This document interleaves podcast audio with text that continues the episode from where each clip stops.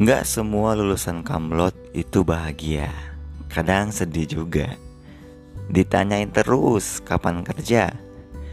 Selamat ya kamu lulus kamlot. Iya makasih. Aduh kamu tuh keren banget. Iya makasih. Kerja di mana sekarang? Pancul Kan gua baru dua detik lulus kuliah. Ya kadang-kadang hal-hal yang kayak begitu tuh Sering dan lo dapetin ketika nanti lo udah lulus kuliah teman-teman ketika lu udah dinyatakan jadi sarjana lu dapat predikat tiba-tiba teman lu nanya dengan tiba-tiba dan Spartan gitu. Hmm, kerja di mana nap? Gitu. Kayak nyari kerja tuh kayak langsung ngambil air aja gitu ya ya nggak kayak gitu juga teman-teman. Maksud gua eh kamlut tuh ya emang harus ya ya. Maksud gua eh, kalau lu punya mimpi dan pengen tuh harus lu capai. Cuma jangan menjadikan itu men satu-satunya impian ketika lu kul kuliah atau ketika lu sedang kuliah. Kenapa? Karena kamlut itu bukan satu-satunya alasan untuk mendapatkan pekerjaan dengan cepat atau lu pasti dapat pekerjaan dengan baik.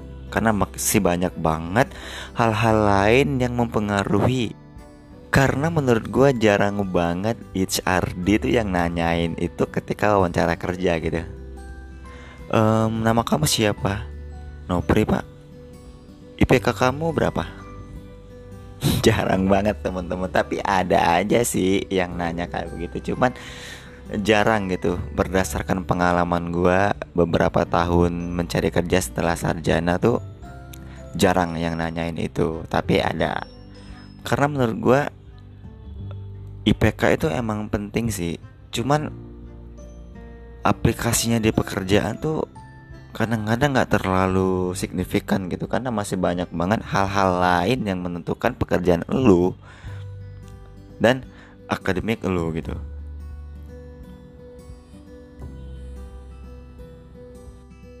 Nah kadang-kadang gue tuh kalau ngomongin uh, melamar pekerjaan tuh kadang-kadang gue ketawa sendiri ya karena udah banyak banget experience gue tentang uh, melamar pekerjaan lah. Ya namanya kita habis sarjana tuh pekerjaan kita selanjutnya tuh ya mencari pekerjaan. Nah gue tuh banyak banget pengalaman tentang tentang itu. Bahkan gue pernah dapetin pengalaman uh, wawancara dengan HRD itu yang aneh gitu. Yang menurut gue aneh aja gitu kenapa dia nanya gitu Salah satunya gue pernah uh, wawancara kerja di salah satu pabrik di Sumatera Selatan dan gue ditanya kayak gini. E, nama kamu siapa? Nopri pak. E, kamu orang baik. gue lima detik diem terus gue mikir gitu.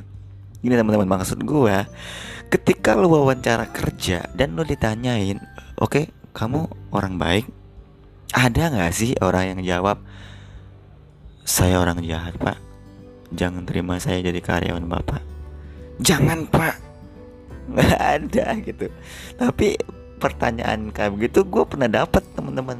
Gue pernah dapat itu. Gue ditanyain kayak begitu dan gue jawab jelas dong.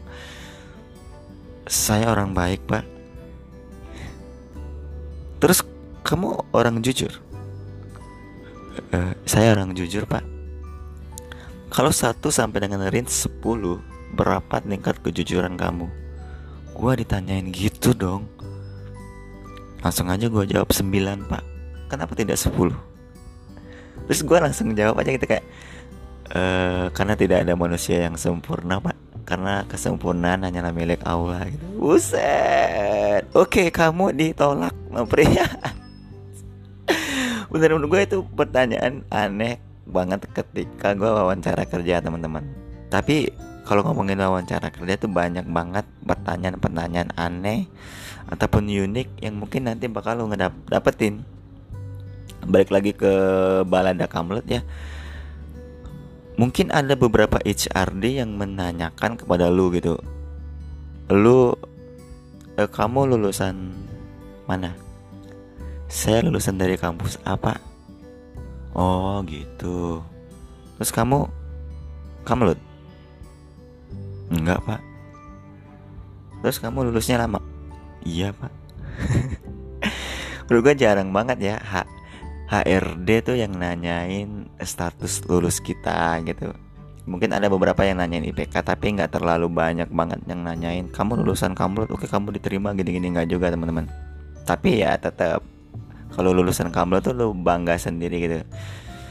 Cuman masalahnya tuh kadang-kadang kita tuh udah siap banget wawancara kerja tapi ketika di lapangan entah kenapa kayak kita tuh kayak ngeliat hantu gitu kayak takut gitu kayak cemas. Dan itu juga sering gua uh, rasain ketika wawancara wawancara kerja. Cuman ya karena mau nggak mau kita harus jawab dengan yakin ya kita harus lawan diri kita sendiri. Nah untuk wawancara kerja itu sendiri menurut gue ada beberapa faktor yang mungkin bisa lu lakuin ketika wawancara kerja teman-teman. Ada banyak banget untuk solusi dari menjawab pertanyaan itu. Nah beberapa pertanyaan-pertanyaan yang sering banget ditanyain wawan ketika kita wawancara kerja. Salah satunya yaitu teman-teman pernah dapat gak sih pertanyaan yang kayak begini? Kamu pengen dapat atau pengen digaji berapa di perusahaan ini? Kira-kira teman-teman kalau dapat pertanyaan kayak gini itu jawabnya apa? Jujur gue tuh udah beberapa kali pertanyaan uh, wawancara kerja dapat pertanyaan kayak begini gue jawabnya waktu itu pernah gue jawab begini Iya saya mah gaji berapa aja pak yang penting kerja itu gue baru-baru lulus banget jadi sarjana dan gue jawab banget polos banget. Terus HRD-nya langsung nanya gitu kan. Oh gitu. Gimana kalau 2000 aja? Bang gue tukang parkir Indomaret. Tapi benar dia dia bilang gitu. Karena dia ketawa gitu. Maksudnya lu tuh udah sarjana Lu udah uh, lulus dari kampus Ketika lu ditanya berapa lu pengen gaji berapa Lu harus jawab dengan nominal teman-teman Atau kalau lu mau jawab dengan jawaban yang bijak juga bisa sih Contohnya kayak gini kamu pengen digaji berapa di perusahaan ini? Uh, baik pak, untuk masalah gaji, mungkin saya bisa digaji berdasarkan dengan UMR yang sesuai dengan kota ini pak. Dan apabila pencapaian karir saya bagus, ya saya siap untuk menerima pendapatan atau gaji yang lebih dari UMR. Nah, itu salah satu solusi ya ketika lo ditanya berapa gaji yang pengen lo dapat di perusahaan ini. Tapi teman-teman harus sadar juga ya karena di pada saat wawancara kerja itu banyak banget pertanyaan-pertanyaan yang menjebak. Kayak tadi tuh menjebak, pertanyaan yang menjebak. Berapa gaji lo? Berapa lo gitu gitu-gitu banyak banget yang menjebak tapi kalau gue sih jawabnya tetap kayak tadi ya jadi gue pengen uh, kalau misalnya gue ditanya berapa gaji yang pengen lo dapetin di perusahaan ini? Ya gue jawab yang jelas di atas UMR kalau misalnya Jakarta nih ya lo jawab misalnya 5 juta. Tapi dengan uh, background lo tuh udah ada experience gitu. Ya jangan lo juga lo fresh graduate tiba-tiba lo ngajin e, kamu mau gaji berapa di perusahaan ini? 12 juta pak. Oke pengalaman kamu bekerja apa? Dem. Nggak bisa jawab karena uh, experience itu menentukan juga range gaji atau salary yang bakal lo dapet di perusahaan itu. Tapi nggak ada salahnya kalau lo mau ngomong saya pengen gaji segini pak. Kalau perusahaannya mengabulkan itu ya bagus dong ya kan? Ada lagi pertanyaan yang ditanyakan oleh HRD kepada lu kayak begini apa kelebihan dari anda? Nah kalau teman-teman dapat pertanyaan kayak begini bakal jawab gimana? Menurut gua solusi yang pertama ketika lo dapat pertanyaan kayak gini jangan pernah lo ngerasa sesumbar dan uh, itu tuh lu banget gitu. Karena itu pertanyaan menjebak teman-teman. E, walaupun kita benar-benar ahli di bidang itu ya ya kita jawab seadanya aja gitu. Misalnya apa kelebihan yang kamu milikin? Saya mampu bekerja sama dengan tim dengan baik pak. Saya bisa bekerja sama sama teman-teman kerja. Saya juga bisa berkomunikasi dengan baik. Dan saya juga disiplin tepat waktu dalam bekerja. Nah, itu mungkin bisa teman-teman pakai. Atau jangan sekalipun teman-teman ngerasa sesumbar banget gitu. Kayak misalnya begini. Apa kelebihan yang kamu miliki? Iya begitulah ya emang banyak banget pertanyaan-pertanyaan yang aneh dan pertanyaan yang kadang-kadang gak masuk akal yang bikin kita cemas dalam beberapa menit ketika wawancara.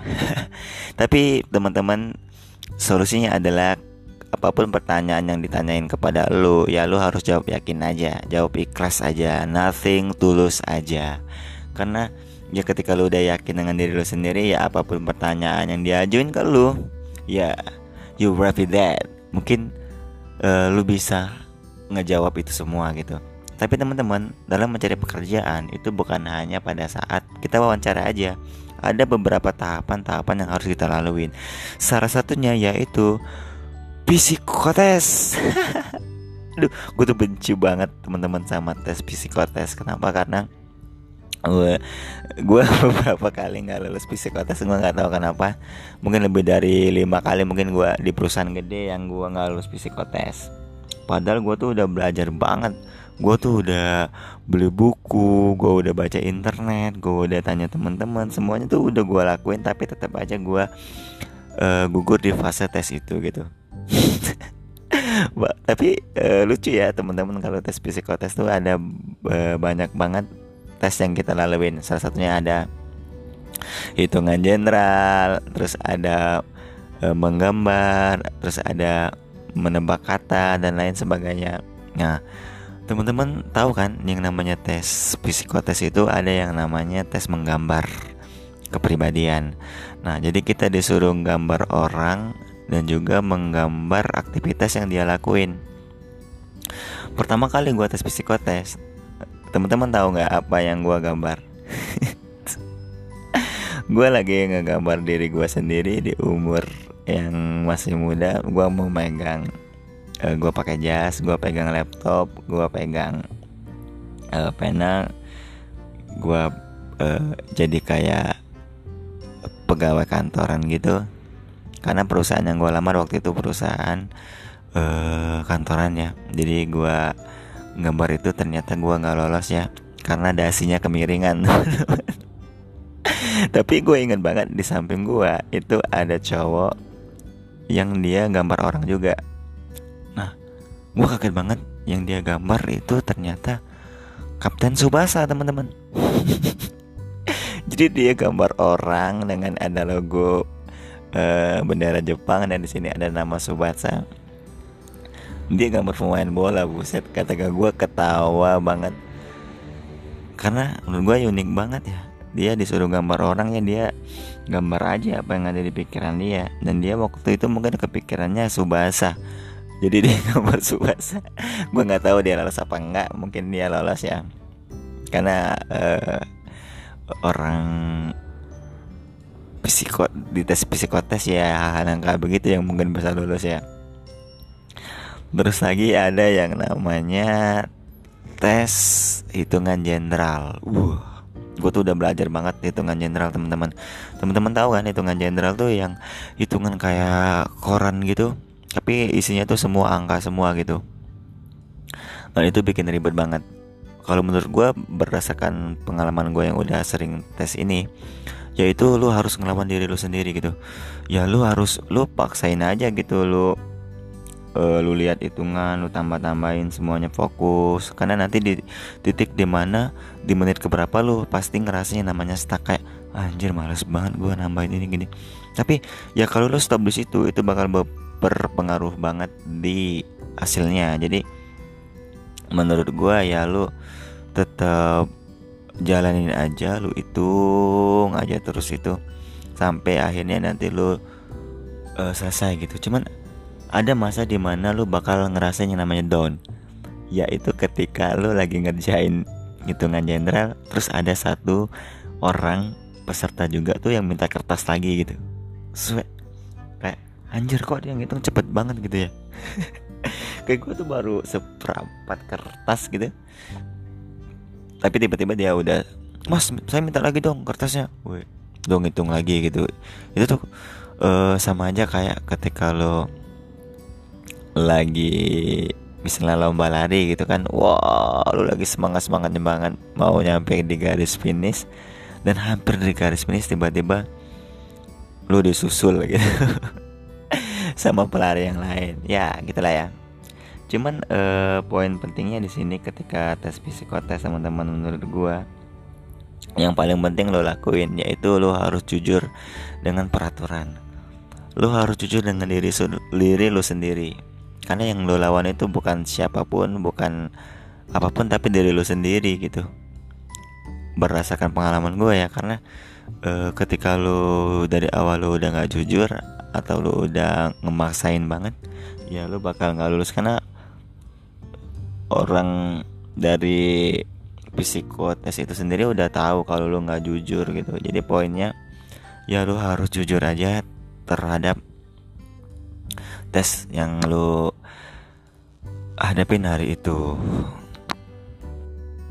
Iya itu ya teman-teman dalam mencari pekerjaan tuh intinya lu ya tetap ya yang pertama tuh doa orang tua dan juga lu doa kepada Allah karena menurut gue itu faktor yang paling penting dari apa pun untuk hasil ketika lo mencari pekerjaan.